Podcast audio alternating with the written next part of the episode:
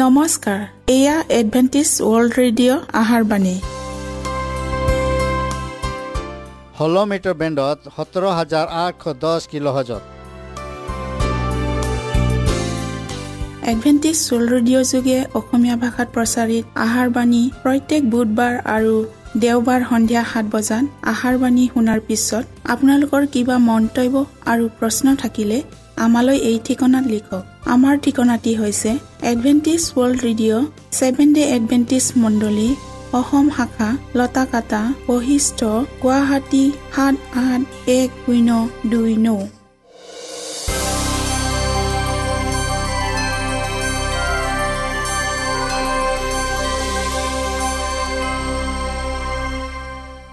প্ৰিয় শ্ৰোতা বন্ধুসকল এতিয়া শুনো আহক এটি খ্ৰীষ্টীয় ধৰ্মীয় গীত।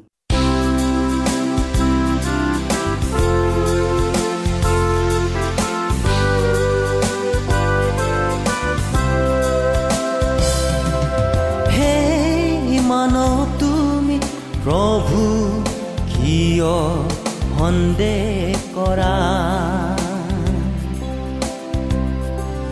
হে মানৱ তুমি প্ৰভু কিয় সন্দেহ কৰা? সময় নাই আৰু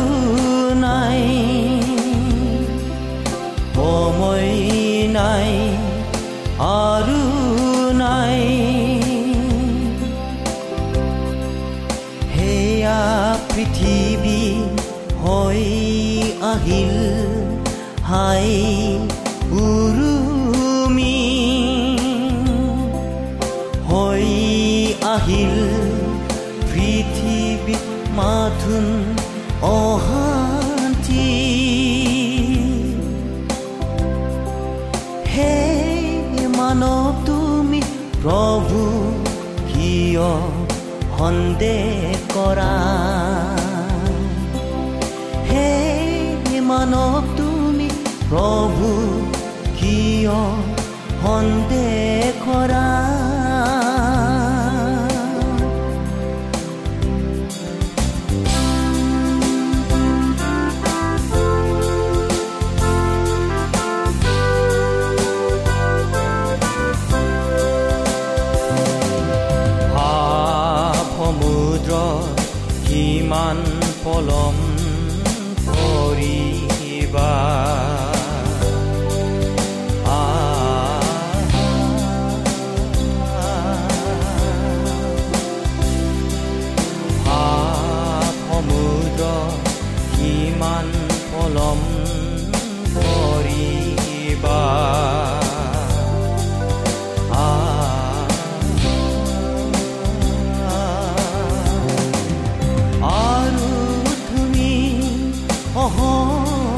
অহত থাকিবানে সকলো সময়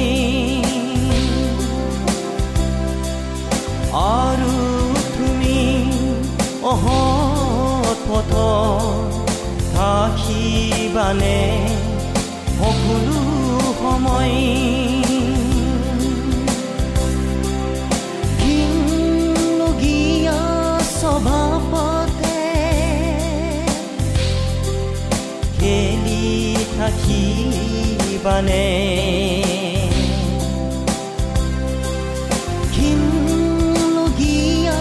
স্বভাৱতে খেলি থাকিবানে? হে মনক তুমি প্ৰভু কিয় সন্দেহ কৰা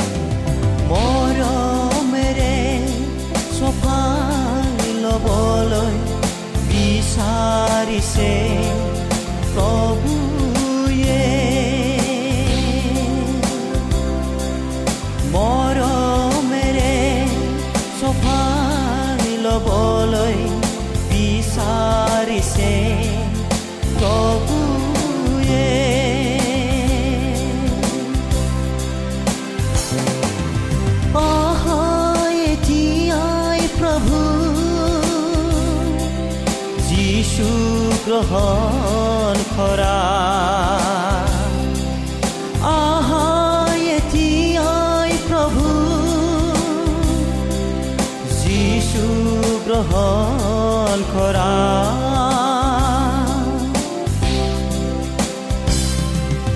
হে মানৱ তুমি প্ৰভু কিয় সন্দেহ কৰা। হে মানৱ তুমি প্ৰভু কিয় সন্দেহ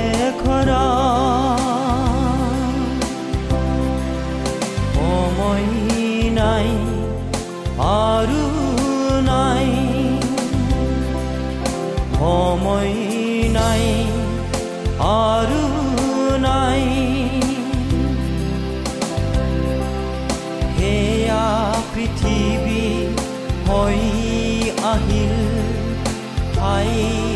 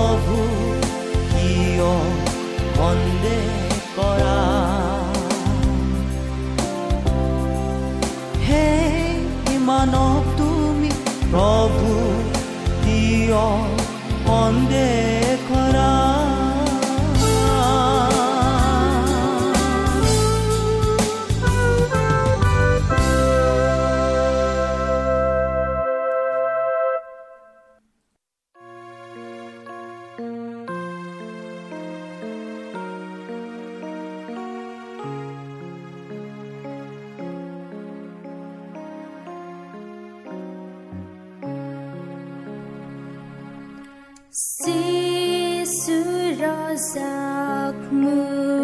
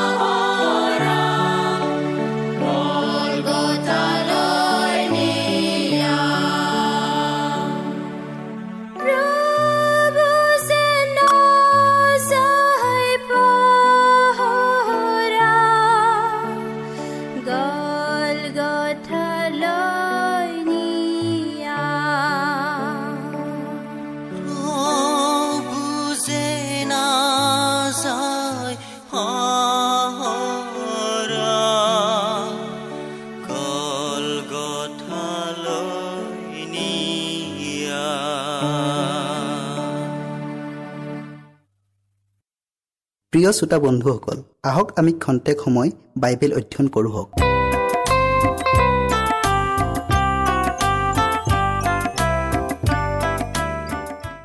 আজিৰ বিষয় হৈছে ঈশ্বৰৰ সৃষ্টিৰ স্মৃতি স্তম্ভ।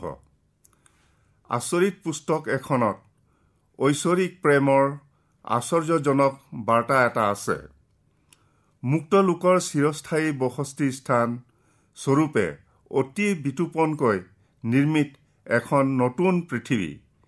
এই পৃথিৱীখন মেলি প্ৰথম প্ৰকাশিত বাক্যলৈ মন কৰিলেই আমি ঈশ্বৰৰ সৃষ্টি কাৰ্যৰ মহিমা আৰু গৌৰৱৰ জিলিকনি দেখা পাওঁ। বেৰেচিত অৰ্থাৎ আদিতে ঈশ্বৰ। তেওঁ বাহু মেলাত এখন পৃথিৱী সৃষ্টি হ'ল। তেওঁ বাক্য কোৱা মাত্ৰৰে পৃথিৱীখন আশ্চৰ্যজনক পোহৰ আৰু জীৱিত শক্তিৰে ভূষিত হ'ল। তেওঁৰ সৰ্বোত্তম সৃষ্টি মানুহক এডেন উদ্যান তাৰ বহুতি স্থান কৰি দিলে। আৰু তাৰ পিছত মানুহৰ প্ৰতি তেওঁৰ প্ৰেমৰ চিন স্বৰূপে ঈশ্বৰে বিশ্ৰাম দিন সৃষ্টি কৰিলে। ঈশ্বৰৰ আশীৰ্বাদ পবিত্ৰ বিশ্ৰাম দিন। স্বয়ং ঈশ্বৰেই সেইবোৰ ভাল দেখিলে। তেওঁ সেইবোৰক উত্তম বুলিলে আৰু তাৰ পিছত ঈশ্বৰে তেওঁৰ সৃষ্টি কাৰ্যৰ দিনবোৰৰ আৰু অনন্তকালৰ স্মৃতি চিনস্বৰূপে তেওঁৰ জিৰণিৰ দিন বিশ্ৰামবাৰক প্ৰতিষ্ঠা কৰি সেই দিনৰ ওপৰত তেওঁৰ পবিত্ৰতাৰ মোহৰ মাৰিলে। এইৰূপে আকাশমণ্ডল পৃথিৱী আৰু সেই উভয়ত থকা সকলো পদাৰ্থ নিৰ্মাণ কৰি এটোৱা হ'ল। সপ্তম দিনা ঈশ্বৰে নিজে কৰা কাৰ্য কৰি এটাই নিজে কৰা সকলো কাৰ্যৰ পৰা সপ্তম দিনা বিশ্ৰাম কৰিলে আৰু ঈশ্বৰে সেই সপ্তম দিনক আশীৰ্বাদ কৰি পবিত্ৰ কৰিলে।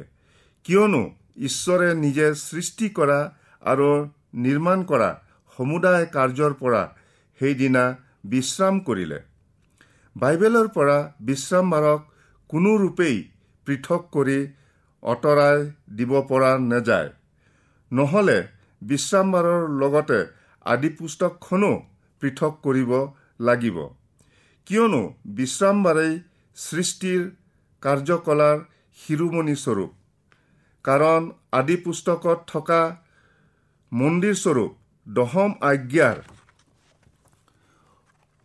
অন্তকৰণৰ মাজত বিশ্ৰামবাৰক আসন দিয়া হৈছে। শাস্ত্ৰৰ পৰা সুবাৰ্তাবিলাকো আঁতৰাই পেলাব লাগিব। জিৰণি আৰু উল্লাসৰ এই বিশ্ৰাম দিন খ্ৰীষ্টীয়ৰ আৰু তেওঁৰ শিষ্যবিলাকৰ সেৱাৰ দিন আছিল। ইব্ৰিয় পুস্তকৰ বিশ্ৰামবাৰক উপলক্ষ্য কৰি গৌৰৱৰ জিৰণি বোলা শব্দকেইটা অৰ্থহীন হ'ব। ভাবি চাওকচোন বিশ্ৰামবাৰ উল্লেখিত প্ৰত্যেক পৃষ্ঠা যদি বাইবেলৰ পৰা আঁতৰাই পেলোৱা হয় তেন্তে এই পুস্তকৰ অৱস্থা কেনে হ'ব? কিয়নো পবিত্ৰ শাস্ত্ৰে আন কোনো দিনক এই বিশেষত্ব দিয়া নাই।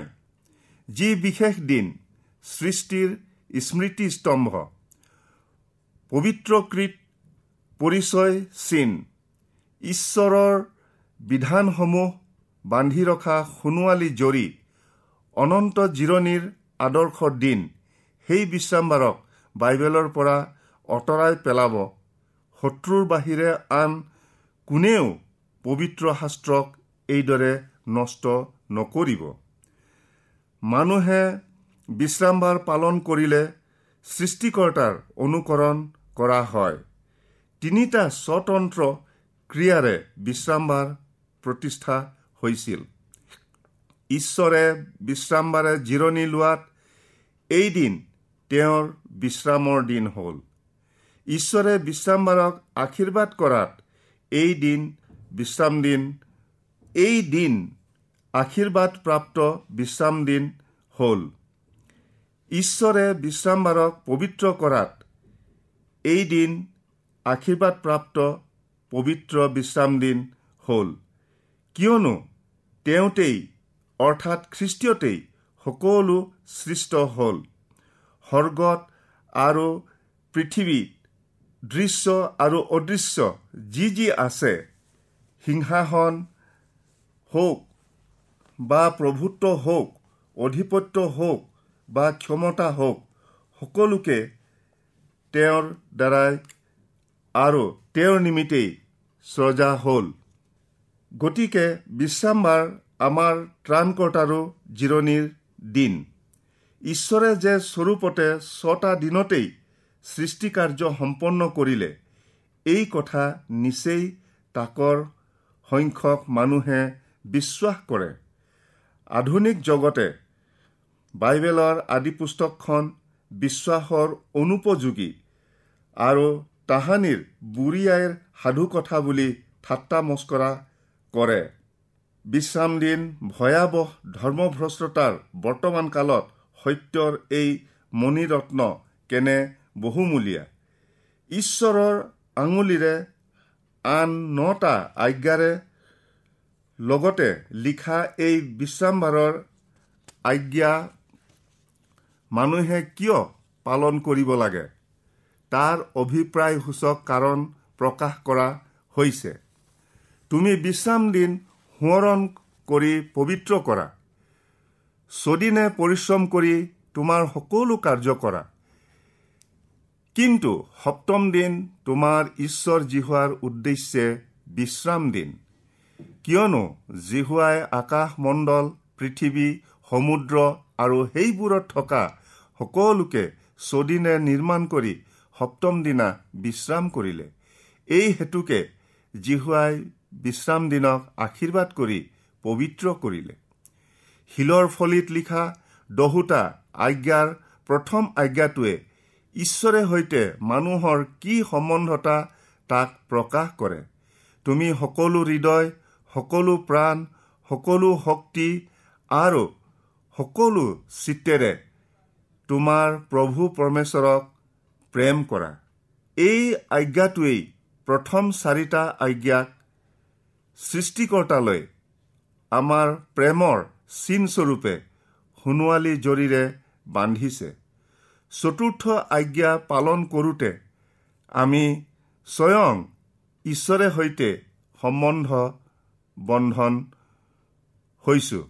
আৰু বিশ্ৰাম দিন পালন কৰোঁতে ঈশ্বৰৰ প্ৰতি আমাৰ দায়িত্ববোধ অনুভূতি উদয় হয়।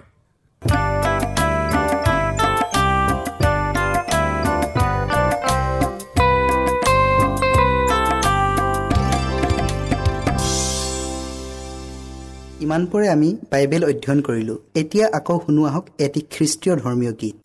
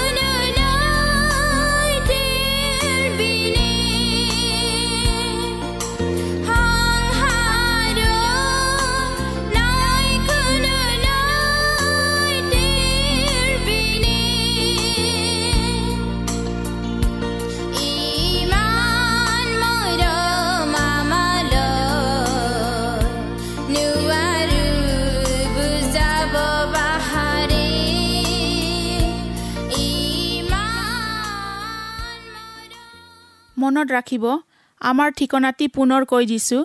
Adventist World Radio' Assam region of seven day Adventist voice of hope Latakata Basistha Guwahati seven eight one zero' two nine প্ৰিয় শ্ৰোতা বন্ধুসকল এডভেণ্টিজ ৱৰ্ল্ড ৰেডিঅ' যোগে আহাৰবাণী প্ৰচাৰত আপোনালোকক পুনৰ লগ পোৱাৰ আহাৰে আজিলৈ সামৰিলোঁ। ধন্যবাদ।